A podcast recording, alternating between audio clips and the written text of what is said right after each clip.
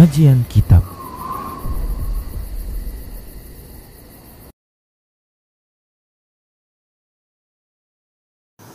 Assalamualaikum warahmatullahi wabarakatuh. Innal hamdalillah nahmaduhu wa nasta'inuhu wa nastaghfiruh wa na'udzu billahi min shururi anfusina wa min sayyiati a'malina. Man yahdihillahu فلا مضل له ومن يضلله فلا هادي له. وأشهد أن لا إله إلا الله وحده لا شريك له. وأشهد أن محمدا عبده ورسوله صلى الله عليه وسلم. قال الله تبارك وتعالى يا أيها الذين آمنوا اتقوا الله حق تقاته ولا تموتن إلا وأنتم مسلمون. يا أيها الناس اتقوا ربكم الذي خلقكم من نفس واحدة وخلق منها زوجها وبث منهما رجالا كثيرا ونساء واتقوا الله الذي تساءلون به والأرحام إن الله كان عليكم رقيبا يا أيها الذين آمنوا اتقوا الله وقولوا قولا سديدا يصلح لكم أعمالكم ويغفر لكم ذنوبكم ومن يطع الله ورسوله فقد فاز فوزا عظيما. أما بعد فإن أصدق الحديث كتاب الله وخير الهدى هدى رسول الله صلى الله عليه وسلم وشر الأمور محدثاتها وكل محدثة بدعة وكل بدعة ضلالة وكل ضلالة في النار Para pemirsa Rosyad TV dan para pendengar Radio Medan Mengaji di mana saja Anda berada, rahimani wa rahimakumullah. Kembali kita bersyukur kepada Allah Subhanahu wa taala yang masih memberikan berbagai kenikmatan kepada kita. Selawat dan salam kita ucapkan untuk nabinya Nabi tercinta Muhammad sallallahu alaihi wasallam. Para hamba Allah rahimani wa rahimakumullah. Kita masih membahas tentang perkara-perkara yang mengurangi tauhid seorang muwahhid. Kita sedang membahas perkara-perkara yang bisa mengurangi keimanan seorang mukmin dan yang bisa mengurangi keislaman seorang muslim. Baik para muslim rahimani wa rahimakumullah juga masih kita membahas tentang sarana-sarana yang bisa menghantarkan kepada syirik akbar. Di antaranya adalah melakukan tindakan-tindakan perbuatan-perbuatan yang terlarang di kuburan telah banyak kita sebutkan ungkapan para ulama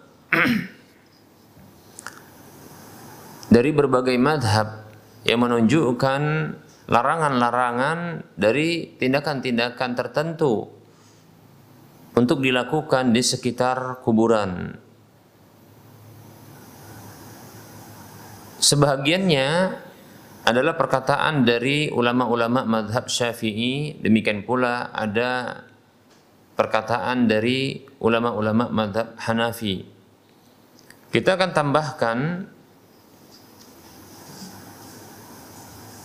pernyataan mereka ini bahwasanya tindakan-tindakan yang terlarang tersebut itu termasuk dosa besar.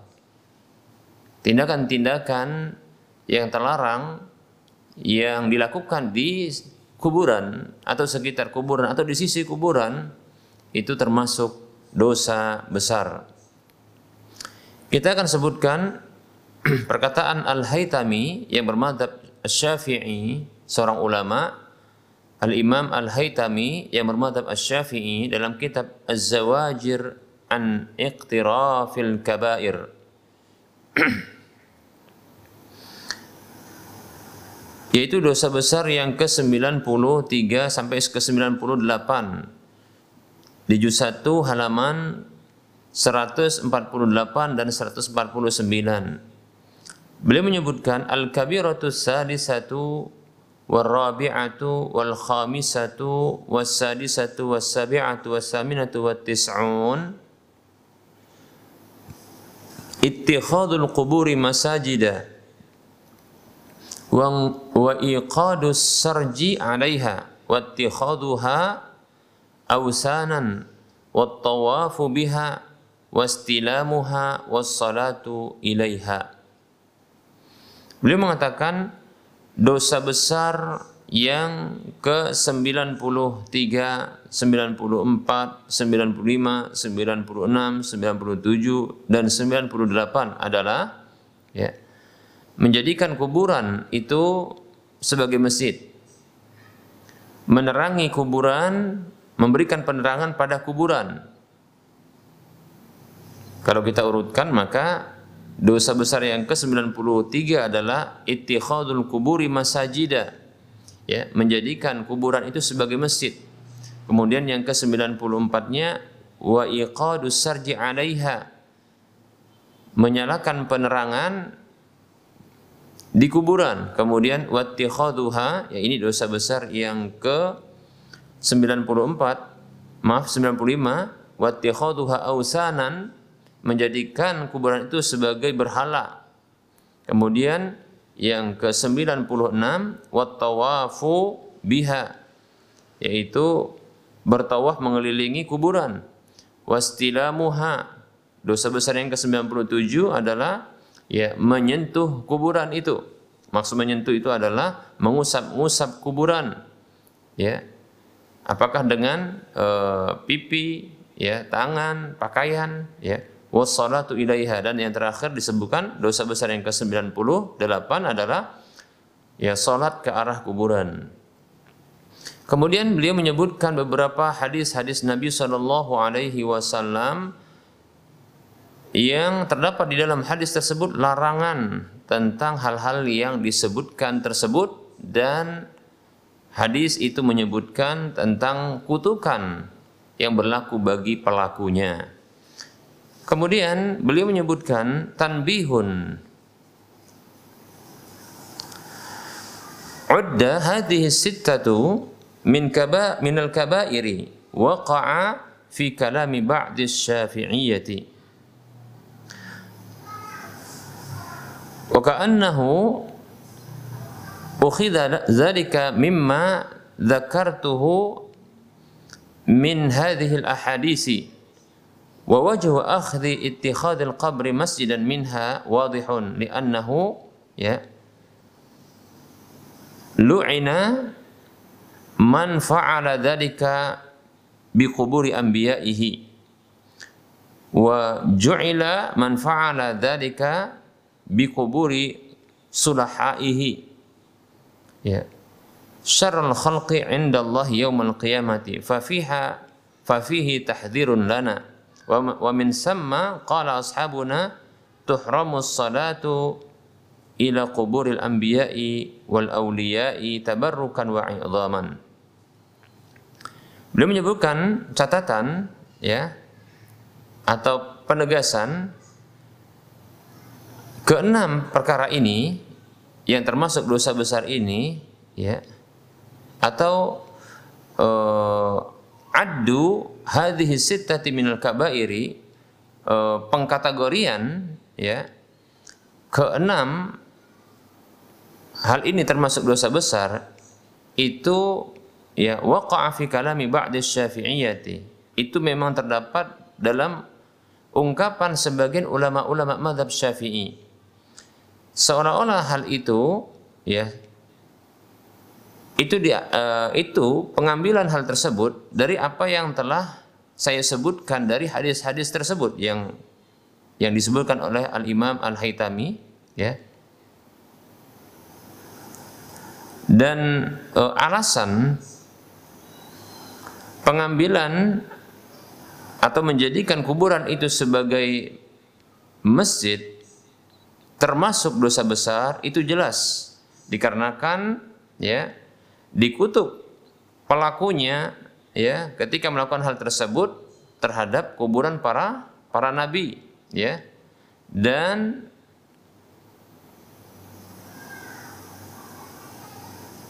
dijadikan orang yang melakukan hal tersebut terhadap kuburan-kuburan para orang-orang soleh mereka sebagai manusia atau makhluk terburuk di sisi Allah Subhanahu wa taala pada hari kiamat.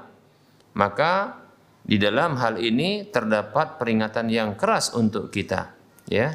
Oleh karena itu, ya, ulama-ulama madhab kami mengatakan tuhramus salatu ila kuburil anbiya'i wal awliya'i tabarrukan wa idhaman.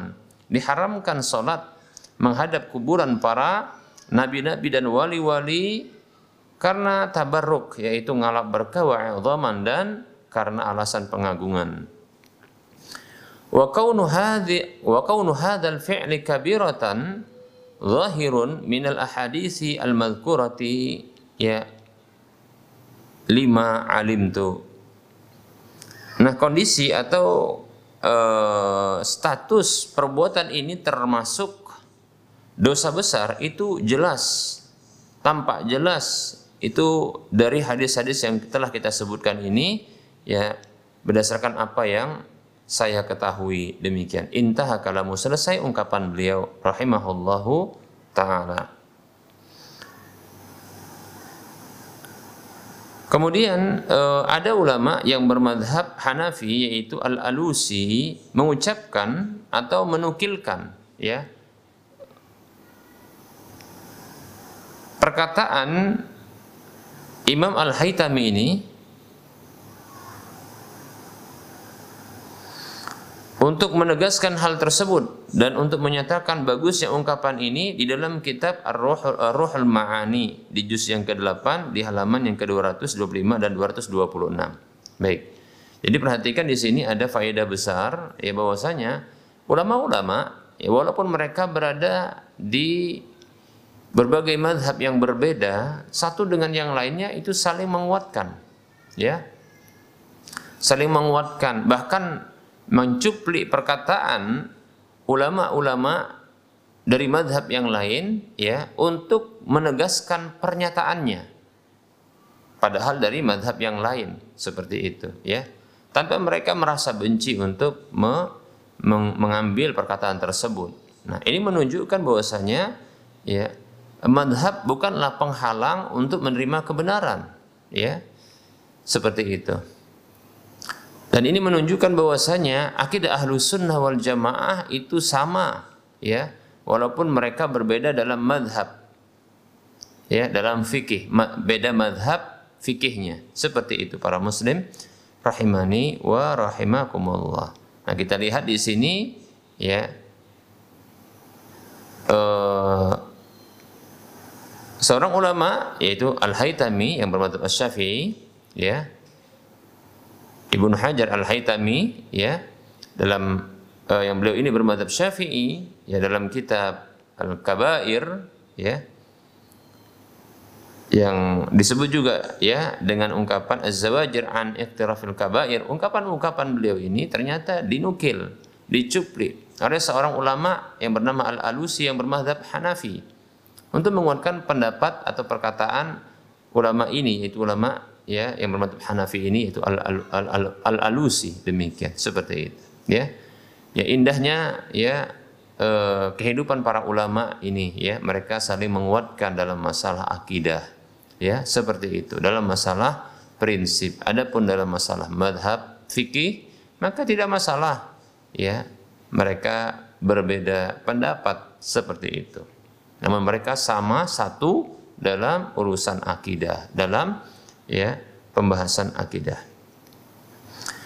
Baik para muslim rahimani wa rahimakumullah. Sebagian ulama dari madhab Hanafi dan yang lainnya, mereka menyebutkan adanya ijma para ulama, yaitu kesepakatan yang tidak ada perbedaan pendapat di kalangan mereka bahwa ya tidak dianjurkan untuk melakukan safar ya. Karena alasan menziarahi kubur tidak ada ya tidak. Tidak dianjurkan demikian.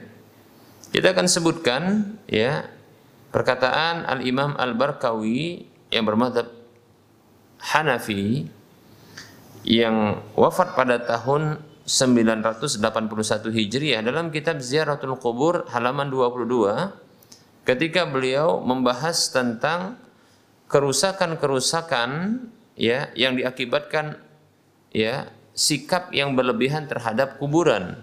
Beliau mengatakan wa minha as-safaru atau as-safru ilaiha ma'at ta'bil alimi wal ismil azimi. Fa inna jumhural ulama'i qalu as-safru ila ziyarati quburil anbiya'i was salihin bid'atun lam yaf'alha ahadun minas sahabati wa tabi'ina radhiyallahu anhum ajma'in. Wala amara biha rasulu rabbil alamin. Wala istahabbaha ahadun min a'immatil muslimina. Faman i'taqada dhalika qurbatan wa ta'atan faqad khalafa sunnata wal ijma'a. Ay al ijma'a ala adamil istihbabi walau safaru ilaihi bidzalika al-i'tiqadi ay i'tiqadu anna safara mustahabbun yuhramu bi ijma'il muslimina. Fasara tahrimu min jihati ittikhadihi qurbatan. Wa ma'lumun anna ahadan la yusafiru ilaiha illa lidzalika. Baik kita akan sebutkan perkataan Imam Al-Barkawi yang bermadhab Hanafi ini ya. Di antara di antaranya maksud di antara kerusakan dari sikap yang berlebih-lebihan terhadap kuburan adalah bersafar ke kuburan. Ya, bersafar ya ke kuburan. Maksudnya bersafar untuk melakukan ziarah kubur. Disertai adanya ya kecapean yang sangat dan dosa yang berat. Lihat ini ya. Padahal safar itu kan jauh kemudian tentunya ini adalah ya eh, disertai dengan adanya kecapean ya kelelahan ya. Namun bersama dengan itu ada dosa yang besar. Kenapa kok disebutkan ada? Kalau capek jelas karena safar itu capek. Tapi kenapa kok ada dosa besar? Perhatikan di sini. Beliau mengatakan karena sesungguhnya jumhur ulama ya mereka mengatakan bersafar untuk menziarahi kuburan para nabi dan orang-orang soleh adalah bid'ah. Makanya tadi kan disebut dengan ya oleh beliau adalah dosa yang berat, ya. Ya, dosa yang besar. Ternyata ini bid'ah, ya menurut beliau. Itu bersafar ya untuk berziarah kubur, bahkan ke kuburan para nabi dan orang-orang soleh. Yang hal ini tidak pernah dilakukan oleh seorang pun dari kalangan para sahabat dan tabi'in dan tidak diperintahkan oleh utusan Rabbul Alamin yaitu Rasulullah Muhammad wasallam. Dan tidak pula ya dinyatakan atau tidak pula dianjurkan, tidak dinyatakan bagusnya dan tidak di, dianjurkan oleh salah seorang pun dari imam-imam ulama-ulama kaum muslimin maka siapa saja yang meyakini hal tersebut sebagai bentuk ya ibadah dan ketaatan, maka sungguh dia telah menyalahi petunjuk Nabi Wasallam dan ijma. Itu ijma para ulama yang tidak ada perbedaan pendapat sedikit pun tentang bahwa hal tersebut tidak dianjurkan. Andaikan dia bersafar untuk berziarah kubur walaupun itu kuburan Nabi maupun uh, para ulama-ulama, orang-orang soleh, dengan keyakinan seperti ini, yaitu keyakinan bahwasanya bersafar itu adalah dianjurkan, maka diharamkan berdasarkan ijma kaum muslimin. Ya, begitu kata beliau. Maka jadilah ya pengharaman tersebut ya dari sisi menjadikan safar itu sebagai ibadah Nah, di sinilah dia apa namanya e, terlarangi hal tersebut, yaitu safar untuk berziarah kubur ke kuburan para nabi, orang-orang soleh, para wali, ya ulama, ya itu dijadikan sebagai bentuk ibadah maka inilah yang diharamkan seperti itu. Wa ma'lumun anna ahadan la yusafiru ilaiha illa lidzalika. Dan ya sudah menjadi kemakluman bahwasannya ya seseorang itu tidaklah bersafar untuk ziarah kubur itu kecuali memang dengan alasan itu adalah ketaatan atau itu merupakan ibadah seperti itu ya. Baik para muslim rahimani wa rahimakumullah. Nah, oleh karena itu ya wajib bagi seorang muslim ya yang menginginkan bagi dirinya keselamatan dunia dan akhiratnya maka wajib baginya untuk menjauhi perkara-perkara kebid'ahan yang dilarang ini, yang diharamkan ini, yang dilarang oleh Nabi Shallallahu Alaihi Wasallam. Bahkan Nabi Shallallahu Alaihi Wasallam beliau ini ya e, memberikan larangan yang keras terhadap ya perbuatan itu bahkan memberikan ancaman yang keras bagi pelakunya ya. Sebagaimana e, semua para salafus saleh dari umat ini ya. dari berbagai madhab ya mereka ini semuanya menjauhi hal-hal tersebut ya karena memang mengikuti nabi mereka ya karena mengikuti nabi mereka itu nabi kita Muhammad sallallahu alaihi wasallam.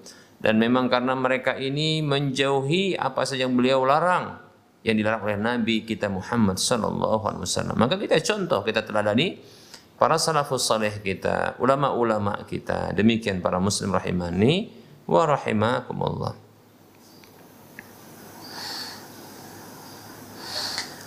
Nah, berdasarkan hal ini, maka siapa saja yang masih melanjutkan tindakan seperti ini, yaitu perkara-perkara yang diharamkan atau dia menyerukan, mengajak orang lain untuk melakukan perkara-perkara seperti ini. Ya, karena mungkin barangkali dia itu menguntungkan bagi dirinya. Ya, kita dapatkan ini ada namanya wisata religi, kan begitu ya. Nah, namun wisata religi Masya Allah, sayangnya mereka wisata religi itu tidak melakukan wisata untuk umroh contohnya. Ya. Tapi malah wisatanya ke kuburan-kuburan para wali, ya, ke kuburan ya orang-orang yang soleh seperti itu. Nah ini tentunya melanggar, ya, melanggar ijma kesepakatan para ulama dari berbagai madhab, termasuk madhab syafi'i, ya, seperti itu. Sudah kita sebutkan, ya itu termasuk dosa besar ya. Dan bahkan itu disebutkan dalam kitab Al-Kabair yang masyhur itu kitab Al-Kabair yang masyhur ya. Demikian. Yang uh, ditulis oleh ya Ibnu Hajar Al-Asqalani Baik para muslim rahimani warahmatullah. Siapa saja orang yang demikian yang dia mengajak orang lain untuk melakukan perkara-perkara seperti ini atau dia sendiri yang terus melakukan hal seperti ini, maka sungguh dia telah menghantarkan dirinya kepada ya sanksi hukuman Allah Subhanahu wa taala untuk dia dapatkan di dunia dan di akhiratnya. Nauzubillahi min dzalik. Ya. Nah tentunya menjauhi perkara-perkara seperti ini yang dilarang oleh Nabi Shallallahu Alaihi Wasallam bahkan diperingatkan oleh Nabi Shallallahu Alaihi Wasallam bahkan yang telah diancam oleh Nabi Shallallahu Alaihi Wasallam bagi pelakunya Shallallahu Alaihi Wasallam itu merupakan bentuk tanda cinta alamat cinta bukti cinta kepada Nabi Muhammad Shallallahu Alaihi Wasallam. Nah begitu. Tapi sangat disayangkan sebahagian kita ya bahkan terbalik ya terbalik ya. Terbalik pola pikirnya ya. Mereka ini mengaku cinta bahkan ya mereka ini mengatakan ini adalah bagian dari petunjuk Nabi Shallallahu Alaihi Wasallam ya. Bahkan itu merupakan juga bentuk cinta kepada Nabi dan cinta kepada orang-orang yang menjadi pewaris Nabi ya. Karena tentunya yang dikunjungi barangkali adalah orang-orang yang ya menjadi pewaris Nabi yaitu para ulama. Ya orang-orang soleh seperti itu. Tapi sayang nah sayangnya seperti ini ya mereka tidak tahu hakikatnya. Itu sudah dilarang oleh Nabi Shallallahu Alaihi Wasallam. Hendaknya para kaum muslimin mereka belajar ya belajar dari kitab-kitab para ulama. Alhamdulillah sudah diterjemahkan ya seperti itu. Maka cobalah kembali kepada kitab-kitab para ulama, membaca kembali kitab-kitab para ulama. Baik, ya. Di Indonesia mereka bermadhab Asy-Syafi'i, ya. mayoritas kaum muslimin bermadhab syafi'i maka kembali kitab-kitab para ulama ahlu sunnah wal jamaah ya di madhab syafi'i baca kitab mereka baik itu terkait dengan masalah akidah ya terma, uh, terkait dengan masalah fikih ya dari berbagai bahasannya begitu juga dalam masalah ya uh, akhlak. Maka hendaknya mereka kembali belajar ya dengan membaca kitab-kitab para ulama, mengkajikan ya eh, eh, namanya kitab-kitab ulama tersebut disampaikan kepada umat ya. Walaupun ya dalam satu madhab saja tidak masalah insya Allah taala asalkan ya metodenya adalah metode ahlu sunnah wal jamaah ya. Acuannya adalah Al-Quran dan hadis Nabi Shallallahu Alaihi Wasallam. Dan demikianlah ulama-ulama ahlu sunnah wal jamaah ya. Mereka mengajak ya umat Islam ini untuk kembali kepada Al-Quran dan hadis Nabi Wasallam. Taat kepada Allah Subhanahu Wa Taala. Demikian para muslim rahimani warahmatullah ya Nah maka dijauhi larangan-larangan Nabi Wasallam ya sebagai bentuk bukti cinta kepada Nabi Wasallam. Bahkan sebaliknya melakukan larangan-larangan Nabi tersebut, Nabi sudah melarang, malah dilanggar, malah dilakukan. Maka ini merupakan bentuk memusuhi Nabi Wasallam, bentuk mem membenci Nabi Wasallam, ya, bentuk me melanggar dan ya penyimpangan terhadap ajaran Nabi Shallallahu Alaihi Wasallam, ya bentuk pelanggaran terhadap petunjuk Nabi sallallahu alaihi wasallam.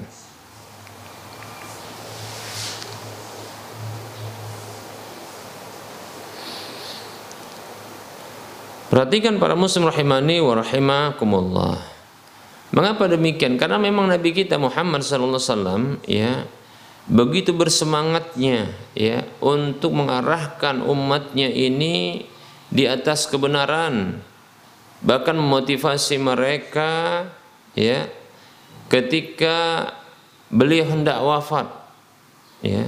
Ketika beliau hendak wafat sampai-sampai beliau ini mengingatkan ya umat umat beliau ya beberapa hari seperti yang pernah kita sebutkan lima hari sebelum wafat Nabi Shallallahu Alaihi Wasallam ya.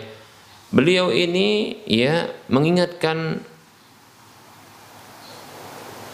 perkara ini, hal-hal seperti ini, ya, memperingatkan ya umatnya agar tidak melakukan tindakan-tindakan dari orang-orang yang dikutuk oleh Allah Subhanahu wa taala yaitu Yahudi dan Nasrani yang mereka menjadikan kuburan-kuburan para nabi dan orang-orang saleh mereka itu sebagai masjid, tempat ibadah demikian.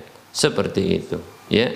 Bahkan Nabi Sallallahu Alaihi Wasallam ya dengan jelas mengatakan aku sesungguhnya aku larang kalian dari hal tersebut. Baik para muslim rahimani wa rahimakumullah.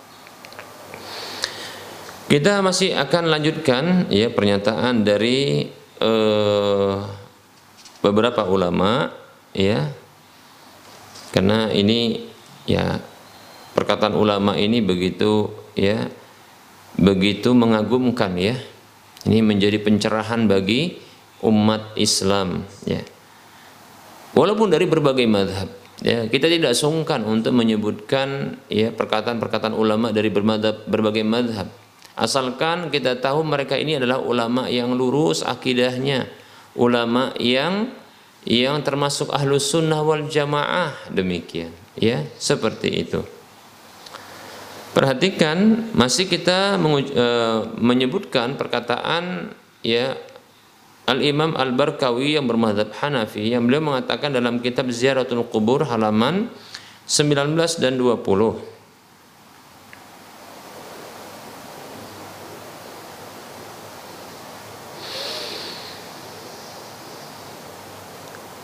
Wa man jama'a baina sunnati Rasulillah sallallahu alaihi wasallam fil quburi wa ma amara bihi wa naha anhu wa ma kana alaihi sahabatu radhiyallahu anhum wa tabi'una lahum bi ihsan wa baina ma alaihi aktsarun nasi al yawma ra'a ahaduhuma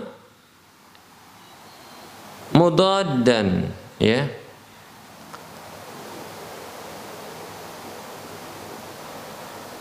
akhari munaqidan lahu bihaitsu la yaj la yajtami'ani abadan fa innahu alaihi alaihi salamu naha 'ani salati ila al-quburi wa hum yukhalifunahu wa yusalluna 'indaha wa naha 'an ittikhadhil masajidi 'alaiha wa hum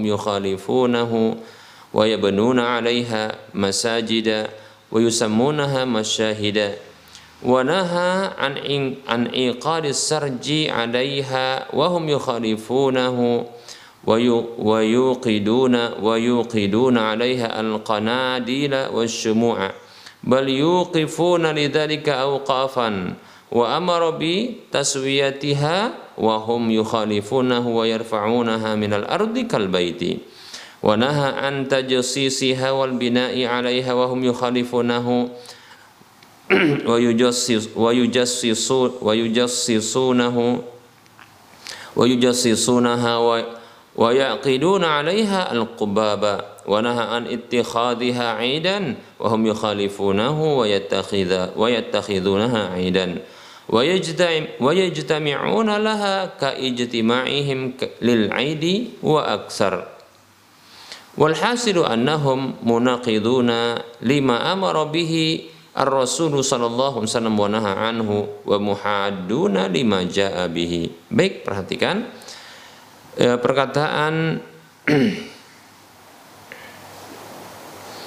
dari Imam Al-Barkawi yang bermadzhab Hanafi dalam kitab Ziyaratul Qubur halaman 19 dan 20 yang artinya Siapa saja yang mengumpulkan, menggabungkan antara petunjuk Nabi Rasulullah Shallallahu Alaihi Wasallam tentang kuburan dan apa saja yang beliau perintahkan dengannya, sekaligus menggabungkan apa saja yang beliau larang kita darinya, yang beliau larang kita darinya, dan apa saja yang para sahabat dan para tabiin ya yang mengikuti mereka dengan baik itu itu berada di atasnya ya itu digabungkan dengan apa saja yang dilakukan oleh manusia pada hari ini.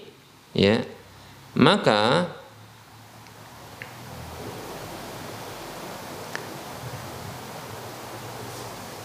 terlihat ya salah satu hal ini itu bertentangan dengan yang lainnya. Ya yang saling kontradiksi satu dengan yang lainnya yang hal ini tak akan bisa ber kumpul selamanya. Dua hal ini tidak akan bisa berkumpul selamanya.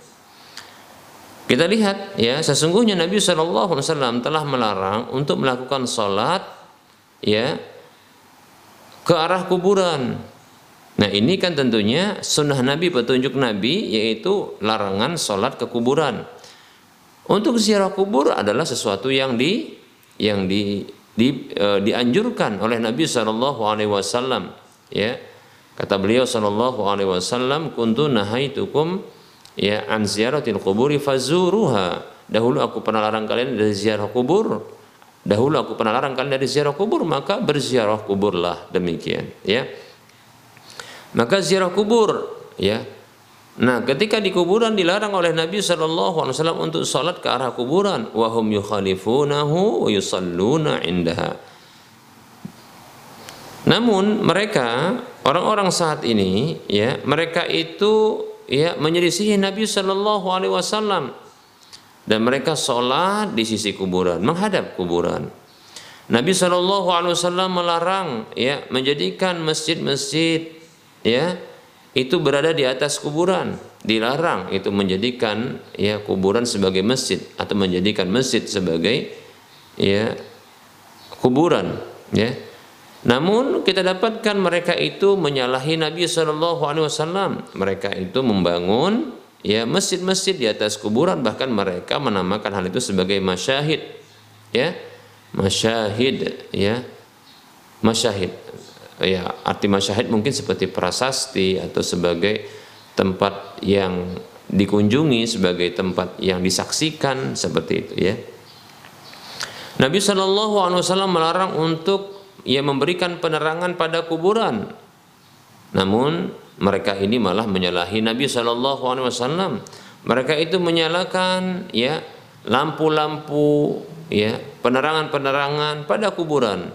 Bahkan mereka mewakafkan sebagian harta mereka untuk hal tersebut. Ya, seperti itu, ya. Nabi Shallallahu Alaihi Wasallam uh, memerintahkan untuk meratakan kuburan. Maksudnya adalah ya uh, tidak membuat bangunan di atas kuburan, bahkan meratakannya, ya meratakannya itu menghilangkan ya bangunan-bangunan di atas yang ada di atas kuburan. Ya.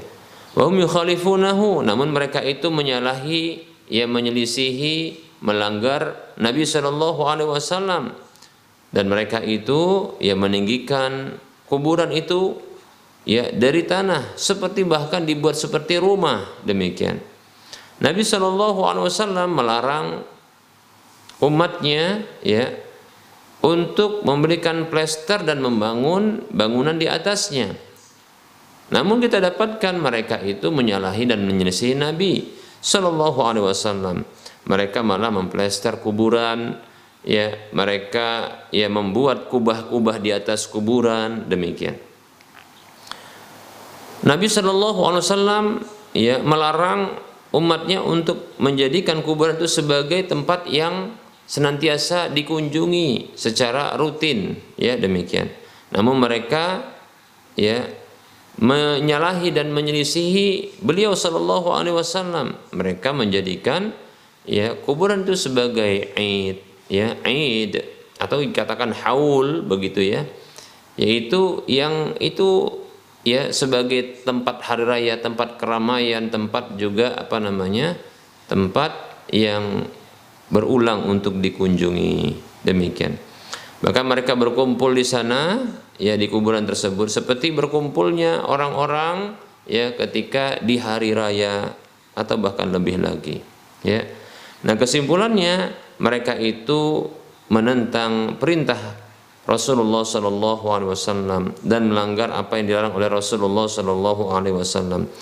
Dan dengan seperti ini maka mereka telah memusuhi apa yang dibawa oleh Rasulullah SAW menentang apa yang dibawa oleh Rasulullah Shallallahu Alaihi Wasallam. Demikian para muslim rahimani wa rahimakumullah.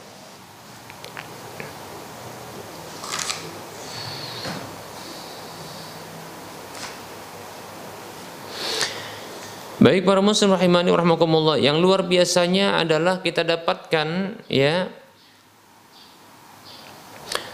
mereka ini orang-orang kaum muslimin ini saudara kita ya mereka ini untuk membenarkan tindakan yang diharamkan atau dilarang oleh Nabi Shallallahu Alaihi Wasallam ini mereka berdalilkan dengan perkataan ya masyaikh syekh syekh tuan-tuan guru ya tokoh-tokoh agama atau mereka ya e, beralasan dengan ya adat istiadat kebiasaan dari nenek moyang atau orang-orang tua dahulu ya.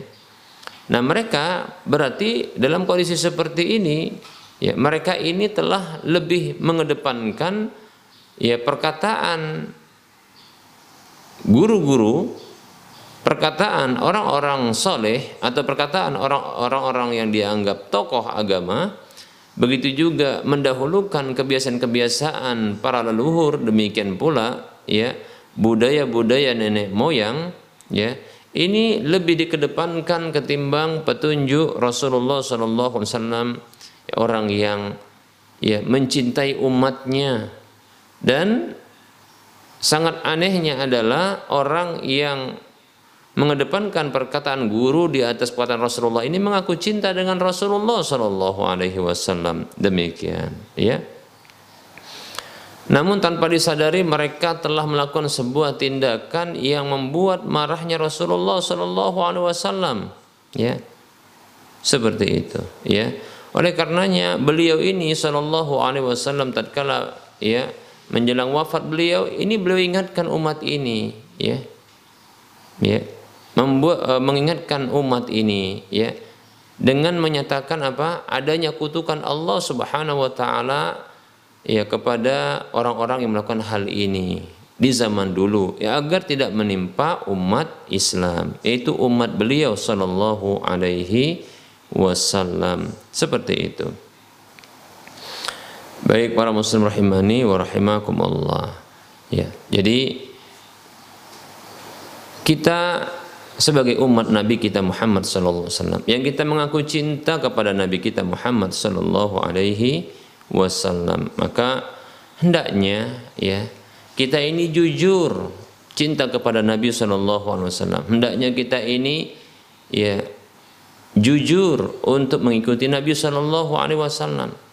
Ya karena di antara konsekuensi syahadat kita yaitu wa asyhadu anna Muhammadan abduhu wa rasuluhu atau wa asyhadu anna Muhammadar Rasulullah aku bersaksi bahwasanya Nabi Muhammad sallallahu alaihi wasallam adalah hamba dan utusan Allah. Maka konsekuensinya adalah karena beliau sebagai utusan Allah maka beliau ini membawa amanat dari Allah membawa tugas dari Allah yaitu ya tugas-tugas untuk menyelamatkan umat ini, umatnya, umat beliau ini. Demikian, seperti itu. Maka tentunya mestinya kita sebagai umatnya harus mengedepankan perkataan beliau. Karena perkataan beliau adalah ya wahyu dari Allah. Karena taat kepada beliau adalah taat kepada Allah seperti itu. Maka mestinya kita lebih mendahulukan perkataan beliau ketimbang perkataan semua orang dari manusia ini ya kita lebih ya mengedepankan dan mendahulukan ya sabda-sabda beliau, petuah-petuah beliau, ya bimbingan beliau, petunjuk beliau ketimbang kebiasaan-kebiasaan kebiasaan-kebiasaan dan budaya-budaya nenek moyang kita. Demikian para muslim rahimani wa rahimakumullah ya. Mengapa? Karena para muslim rahimani wa rahimakumullah ya Beliau itu ditugaskan oleh Allah untuk membimbing umat ini kepada surga. Sementara nenek moyang kita, mereka tidak memiliki hak dalam hal ini. Mereka bukan nabi, mereka bukan rasul. Bukan hanya mereka juga, ya para tokoh agama, ya. Orang-orang yang disebut dengan syekh, guru, tuan guru, ya mursyid dan seterusnya mereka ini tidak punya kaplingan surga ya. Mereka tidaklah memegang kunci surga. Tapi Nabi kita Muhammad Sallallahu Alaihi Wasallam yang membuka pertama sekali pintu surga. Bahkan beliau yang pertama sekali masuk surga demikian para muslim rahimani wa rahimakumullah oleh karenanya kalau kita ingin masuk surga ya kita harus mentaati beliau sallallahu alaihi wasallam ya, sebagai bentuk ketaatan kepada Allah Subhanahu wa taala. Maka perintah-perintah beliau kita indahkan. Perintah-perintah beliau ini kita kerjakan. Perintah-perintah beliau ini kita ya lakukan. Sekaligus larangan-larangan beliau ini kita tinggalkan Demikian. Larang-larangan beliau ini kita tinggalkan. Walaupun perintah dan larangan tersebut berbenturan dengan kebiasaan-kebiasaan, adat-adat budaya, masyarakat bahkan warisan nenek moyang kita, orang-orang tua kita, maka jangan sungkan untuk meninggalkan. Jangan sungkan untuk mendahulukan ya, sabda Nabi SAW, petuah Nabi SAW, nasihat Nabi, petunjuk ajaran Nabi kita Muhammad SAW. Bila kita inginkan kebahagiaan, ya di dalam kehidupan dunia dan akhirat kita, maka mari kita semua umat Islam bahkan umat manusia semua itu mengikuti petunjuk Nabi Muhammad sallallahu alaihi wasallam. Demikian para muslim rahimani wa rahimakumullah. Barangkali kita cukupkan dulu untuk penyampaian dari materi. Masih banyak sesungguhnya dan ini ya saya sangat bersemangat ya insyaallah taala untuk menyampaikan perkataan-perkataan para sahabat ya yang mereka ini ya eh, perkataan-perkataan para ulama yang mereka ini ya bersepakat untuk ya menetapkan apa yang ditetapkan oleh Nabi ya. Baik itu berupa perintah begitu juga berupa larangan. Demikian para muslim rahimani wa rahimakumullah. Baik kita beralih kepada sesi soal jawab. Dan ini banyak sekali ya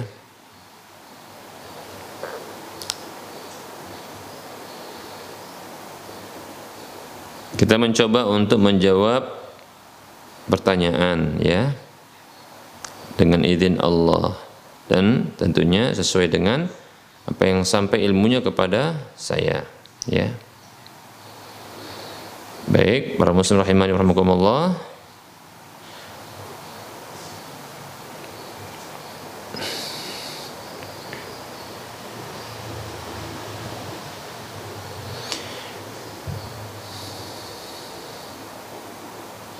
Bismillah, Assalamualaikum Pak Ustadz. Saya ingin bertanya Kedua orang tua saya adalah orang Nasrani. Sekarang saya seorang muslimah. Bagaimana tata cara berziarah kubur orang tua saya? Terima kasih Pak Ustadz. Wassalamualaikum.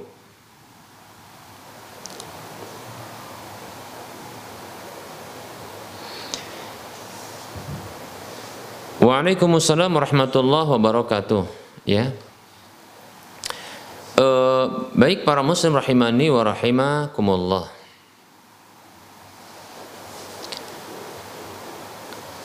Berziarah kubur kepada orang tua, baik itu yang muslim maupun yang kafir, dalam agama kita insya Allah taala dibolehkan tidak masalah, ya. Tidak masalah insya Allah taala ziarah kubur. Karena ziarah kubur itu adalah untuk pertama di antara fungsi dari ziarah kubur adalah sebagaimana Nabi Shallallahu Alaihi Wasallam beliau bersabda ya eh, kuntu nahaitukum an ziyaratil kuburi fazuruha ya Dahulu aku pernah larang kalian dari ziarah kubur maka berziarah kuburlah. Dalam riwayat yang lain Nabi Shallallahu Alaihi Wasallam mengatakan fa innaha litudzakirukumul akhirah karena sesungguhnya hal itu bisa mengingatkan kalian kepada akhirat seperti itu. Ingat mati seperti itu ya. Demikian ya. Nah, ini tujuan pertama dari uh, ziarah kubur walaupun ada tujuan lain di antaranya adalah seperti uh, mendoakan ya.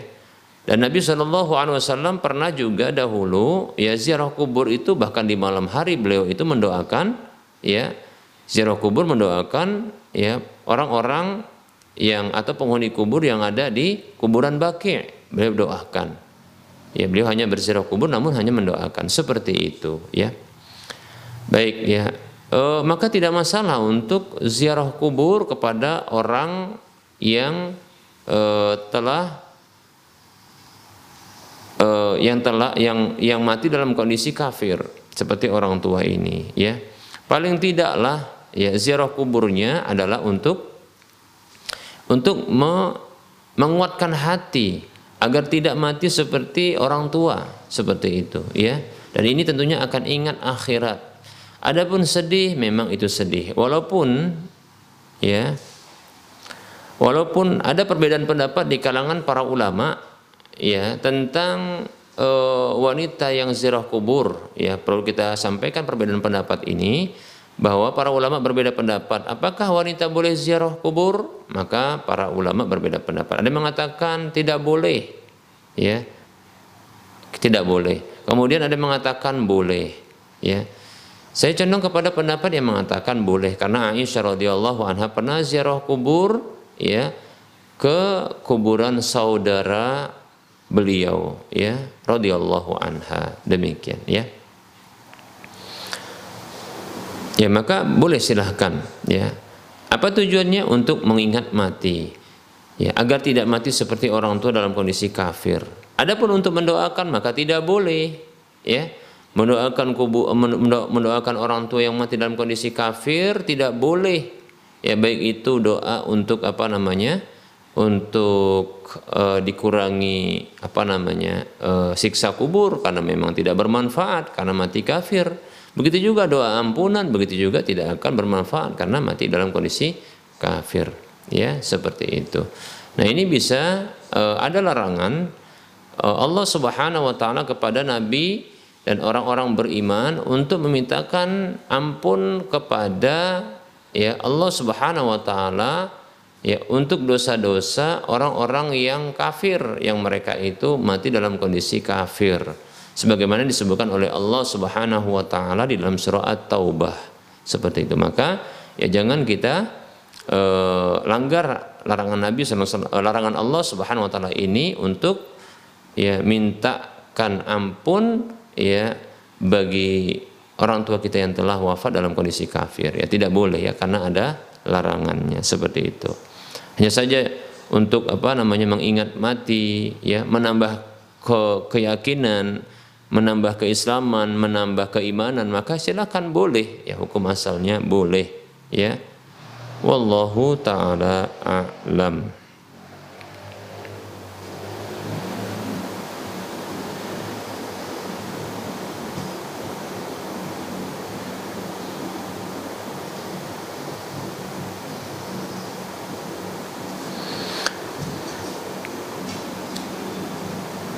Ada pertanyaan Ya, Assalamualaikum Ustadz, bagaimana kita istiqomah agar selalu sabar menjalankan perintah Allah meskipun di sekeliling kita masih banyak maksiat? Bagaimana sikap istri ingin selalu berada di jalan Allah meskipun suami belum taat beribadah? Ya.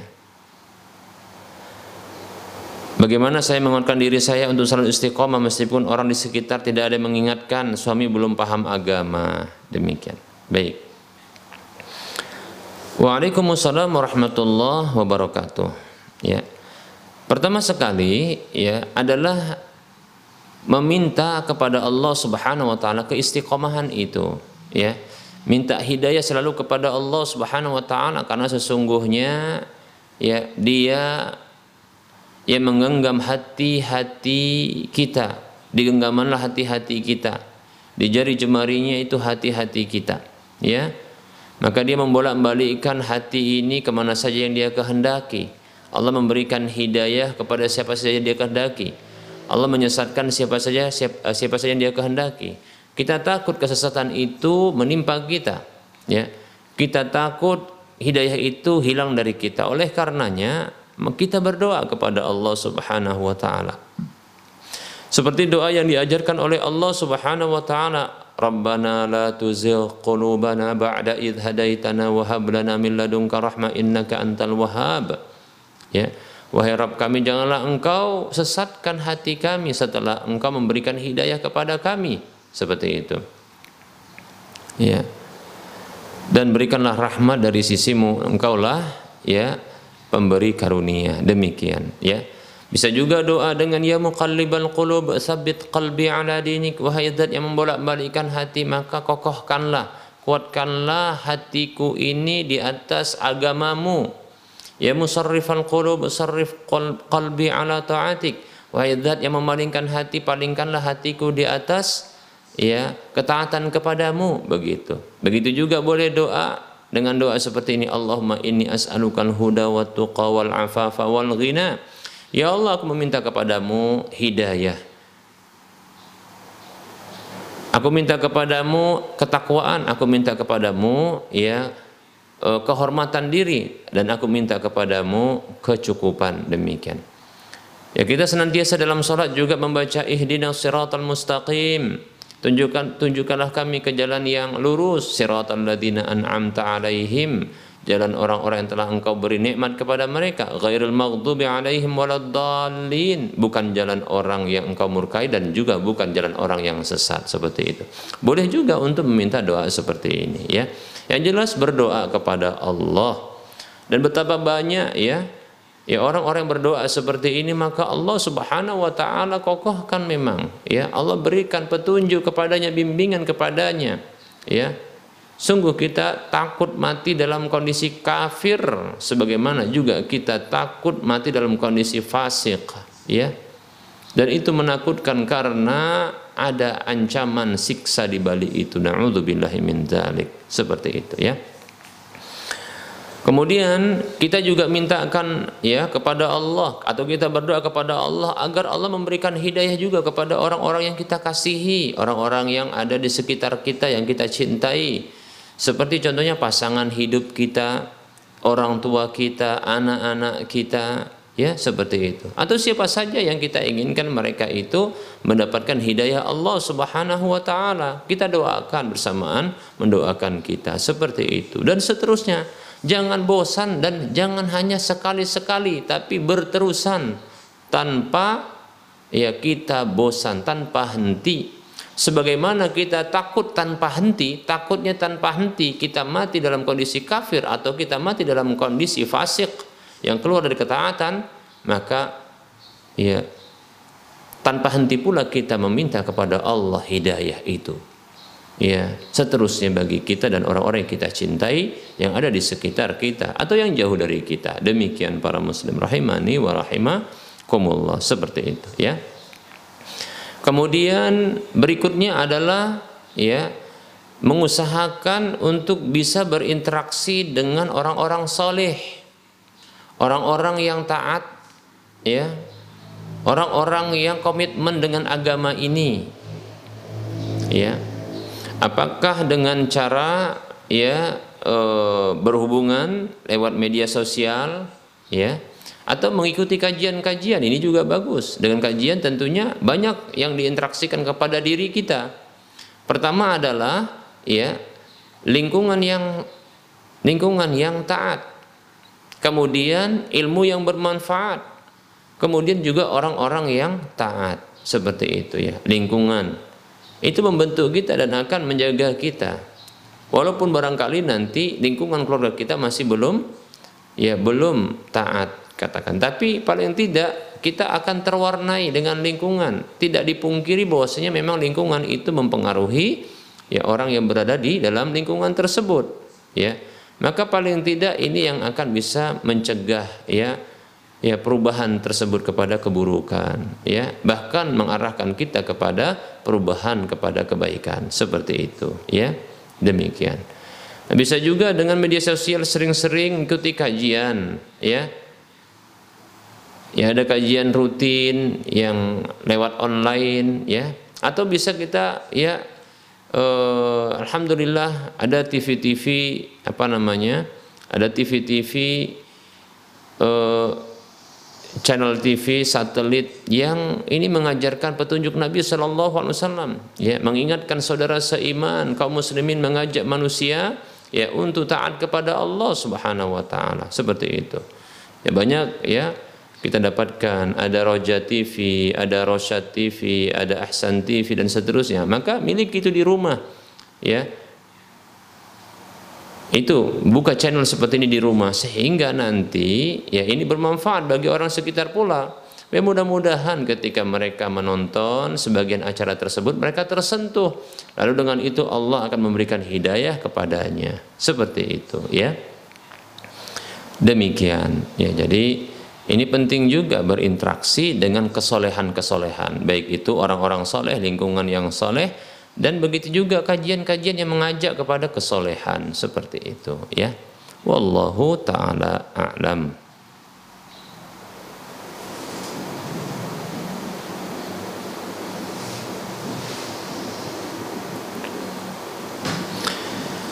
Bismillah, Assalamualaikum Ustadz Saya mau bertanya Bolehkah kita datang ke acara walimahan Sedangkan wanitanya hamil di luar nikah Waalaikumsalam warahmatullahi wabarakatuh. Ya. Oh, sebelum menjawab pertanyaan ini perlu kita ketahui bahwasanya ya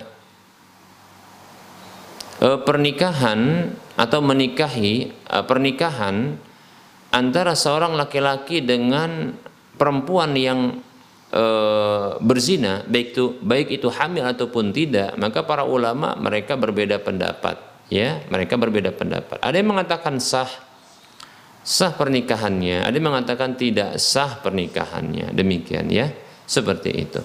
Ya. Artinya dalam hal ini terjadi perbedaan pendapat di kalangan para ulama. Ya. Nah, adapun walimahannya adalah tentunya ini acara yang ada dikarenakan pernikahan tersebut, ya. Ya. Demikian. Saya condong ya kasus untuk seperti ini para muslim rahimani warahmatullah tidak masalah untuk menghadiri ya menghadiri ya undangan acara walimahan ya atas pernikahan wanita yang hamil di luar nikah. Karena pernikahan seperti ini terjadi perbedaan pendapat di kalangan para ulama, ya.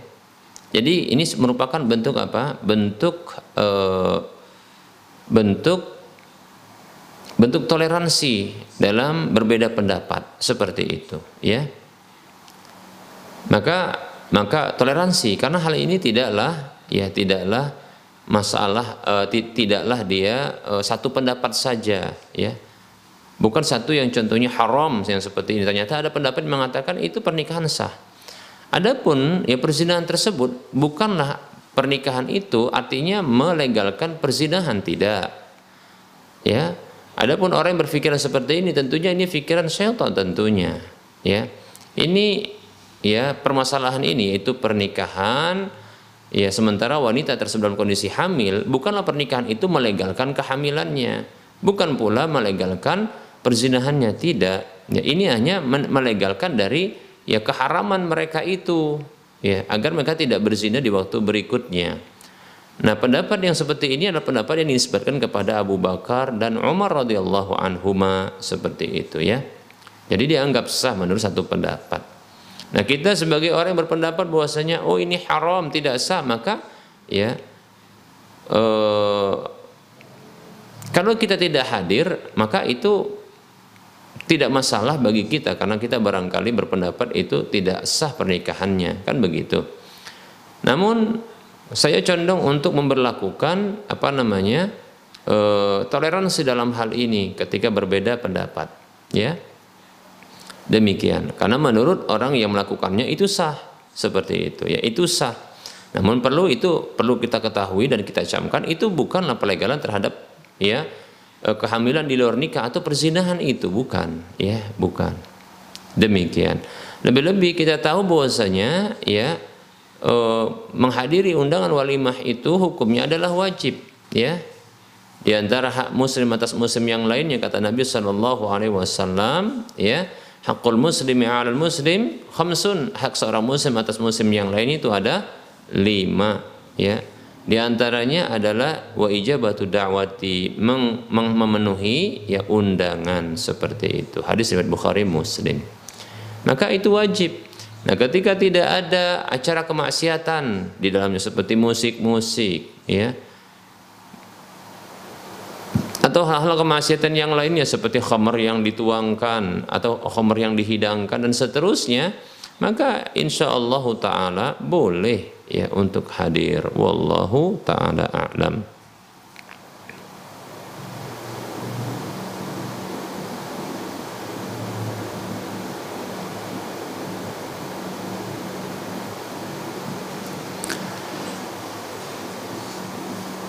Assalamualaikum Ustaz, bolehkah berdoa di Ka'bah dan mencium Ka'bah? Waalaikumsalam warahmatullahi wabarakatuh. Ya.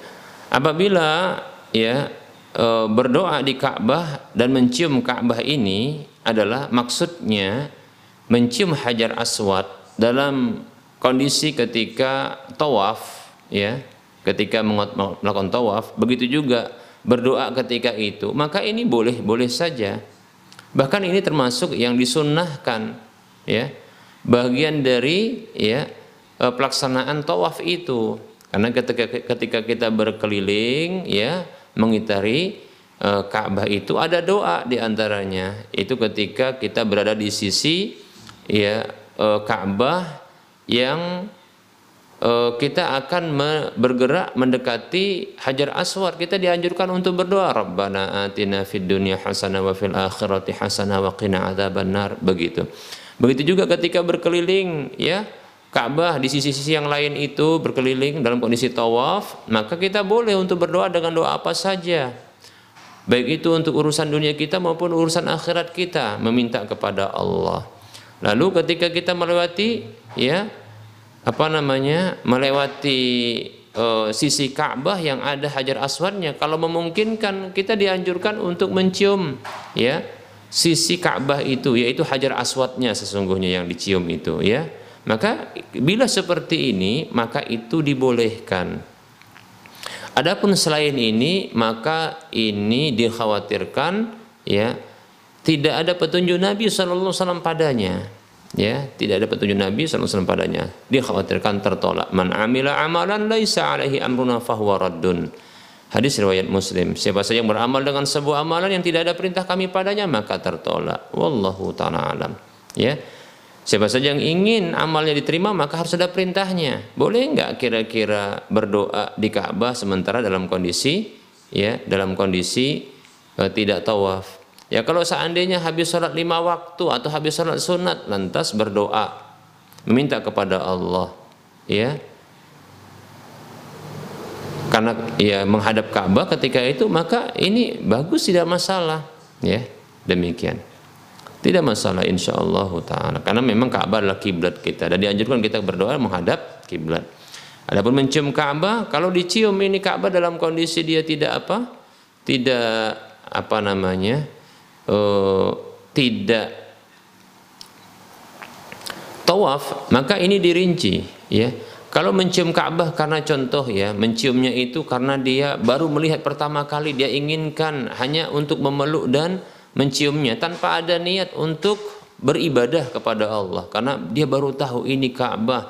Begitu rindunya dia dengan Ka'bah diciumnya ya atau dipeluknya apakah salah? Saya condong tidak karena orang yang melakukan ini tidak bermaksud untuk beribadah.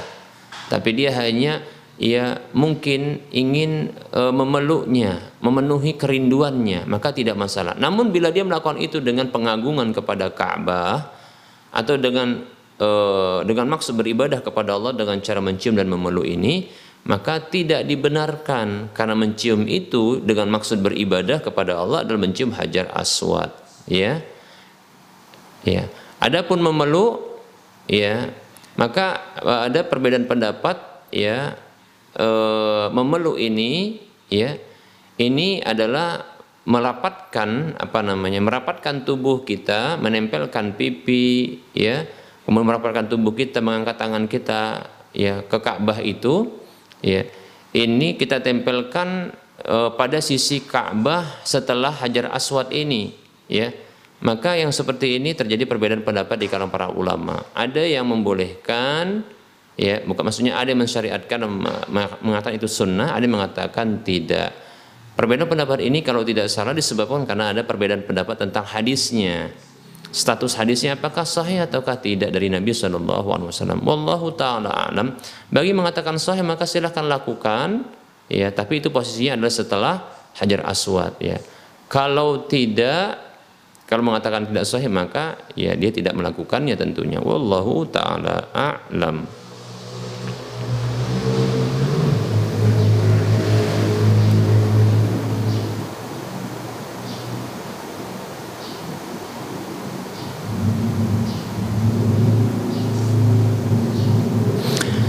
Ada pertanyaan Assalamualaikum warahmatullahi wabarakatuh. Izin bertanya Ustaz Jika saya menikah namun status saya belum menceraikan istri Tapi istri saya sudah menikah lagi Lebih dahulu Bagaimana solusi sunnah eh, sesuai sunnah?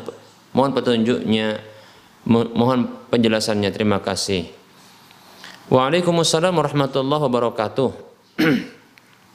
Seorang suami ketika menikah Maka Ya tidaklah diharamkan e, baginya untuk menikah dua kali, tiga kali atau empat kali. Adapun yang kelima kali maka diharamkan kecuali ya bila ya istri yang telah berjumlah empat ini salah satunya dicerai atau ya meninggal dunia. Seperti itu ya. Demikian. Jika istrinya lebih dari ya empat tentunya ya Adapun bila dia ingin menikah maka tidak masalah ya seorang laki-laki menikah baik itu istri pertamanya ada ya atau sudah bercerai maka tidak masalah. Adapun istri yang belum dicerai lalu dia menikah lagi maka yang seperti ini tidak dibenarkan. Maka saya condong kalau memanglah sudah memang berpisah dengan istri sebelumnya namun belum ada ungkapan cerai yang di diberlakukan maka selamatkan istri ini supaya jangan dia ya jatuh kepada dosa yang berterusan yaitu dia dosa zina ya dengan ya e, seorang laki-laki yang dianggap suaminya. Padahal dia belum belum berstatus ya janda. Bahkan dia masih berstatus istri karena belum diceraikan. Maka solusinya ada dua. Yang pertama adalah anda itu menceraikannya langsung menceraikannya. Nanti dia menanti masa iddahnya. Jika ingin cepat selesai, ya, jika ingin cepat selesai menurut satu madhab, ya, e, maka silahkan sang istri ini melakukan khulu, ya, yaitu menggugat untuk berpisah dan membatalkan akad. Dan itu masa iddahnya cuma satu bulan itu lebih cepat. Demikian ya. Ini dua solusi yang bisa ditawarkan ya Ya, apalagi kalau sudah menikah dengan laki-laki lain, maka pertama sekali dipisahkan. Saya ulangi, saya, saya ulangi dari awal ya. Oh, dipisahkan. Jangan mereka bersatu dulu, karena pernikahan mereka tidak sah. Ya, walaupun mereka sudah mengatakan suami dan istri, namun ini tidak sah ya pernikahan itu. Maka mereka berpisah terlebih dahulu, kemudian ya ditalak, ya tentunya ditalak begitu, baru nanti mereka ini ya sang istri masa ma, masuk masa iddahnya. Kalau dalam kondisi ia dalam kondisi tidak hamil ya dan dia tidak menopause dan tidak juga apa namanya uh, pernah digauli maka tentunya ya dia menanti ya masa iddahnya tiga kuru. Ada yang berpendapat tiga kuru itu tiga kali haid. Ada yang mengatakan tiga kali suci demikian. Pilih salah satu pendapat ini ya. Namun ada cara yang kedua adalah dengan cara tadi khulu yaitu menggugat ya menggugat untuk membatalkan e, pernikahan ini dari pihak istri demikian ya. Dan itu nanti masa idahnya menurut satu pendapat adalah satu bulan saja. Wallahu atau satu kali haid saja. Wallahu taala a'lam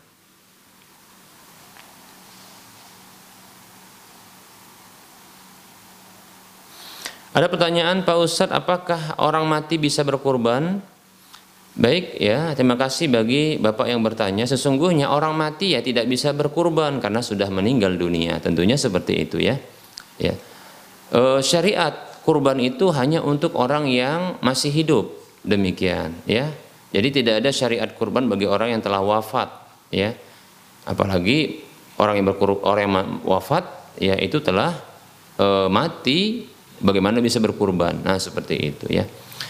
Adapun anak-anaknya ya maka silahkan mereka ini yang melakukan kurban nanti eh, pahalanya ya tentunya akan sampai kepada orang tuanya seperti itu ya pahalanya akan sampai kepada orang tuanya. Andaikan ya ia memiliki 10 anak yang semuanya berkurban mereka itu masing-masingnya maka ketaatan mereka, ibadah mereka kurban tersebut itu akan mengalir pahalanya kepada orang tuanya tanpa mengurangi pahala sang anak. Karena amal soleh sang anak itu akan didapatkan ya secara otomatis oleh orang tuanya, otomatis ya, karena anak adalah hasil usaha orang tua. Oleh karenanya Rasulullah mengatakan sallallahu alaihi wasallam idza matal insanu in qata amaluhu illa min salasin. Kalaulah manusia itu mati maka terputus amalnya kecuali dari tiga jalur min sadaqatin jariyatin dari sedekah jariah. Ini yang pertama. Au ilmin yuntafa'u bihi atau ilmu yang bermanfaat. Au waladin salihin yad'u lahu. Atau ini dia, anak yang anak yang melakukan kesolehan yang mendoakan orang tuanya. Demikian ya. Jadi anak yang melakukan kesolehan maka itu akan mengalir pahalanya kepada orang tuanya. Dan tentunya kurban itu merupakan kesolehan. Walaupun sang anak tersebut dia melakukan kesolehan itu untuk dirinya, Memang karena itu adalah syariat yang berlaku bagi dirinya. Baik itu adalah ibadah-ibadah wajib maupun ibadah-ibadah bersifat sunat. Maka akan mengalir pahalanya kepada orang tuanya. Karena itu kesolehan yang dilakukan oleh sang anak. Baik wajib hukumnya maupun yang sunat hukumnya. Maka akan mengalir kepada orang tua tanpa mengurangi pahala orang tuanya. Bila kedua mereka ini adalah orang-orang yang beriman. Ya, seperti itu. Mudah-mudahan Allah memberikan karunia kepada kita anak-anak yang soleh atau menjadikan kita sebagai anak-anak yang soleh. Amin ya rabbal alamin. Baik para muslim rahimani rahimakumullah, waktu salat zuhur untuk wilayah Medan, Sumatera Utara dan sekitarnya ini sudah dekat ya. Maka kita cukupkan dulu, mudah-mudahan bermanfaat. Pertanyaan-pertanyaan yang sudah masuk insya Allah Ta'ala akan dijawab di waktu berikutnya. Ya. Wallahu ta'ala alam, mohon maaf atas segala kekurangan dan kesalahan, kebenaran datangnya dari Allah, kesalahan itu datangnya dari saya pribadi dan bisikan syaitan. Kepada Allah saya mohon ampun, kepada para pemirsa dan pendengar sekalian saya mohon maaf. Wassallallahu ala Muhammad wa ala alihi wa ashabihi ajma'in. Subhanakallahumma wa bihamdika asyhadu an la ilaha illa anta astaghfiruka wa atubu ilaika walhamdulillahi rabbil alamin. Wassalamualaikum warahmatullahi wabarakatuh.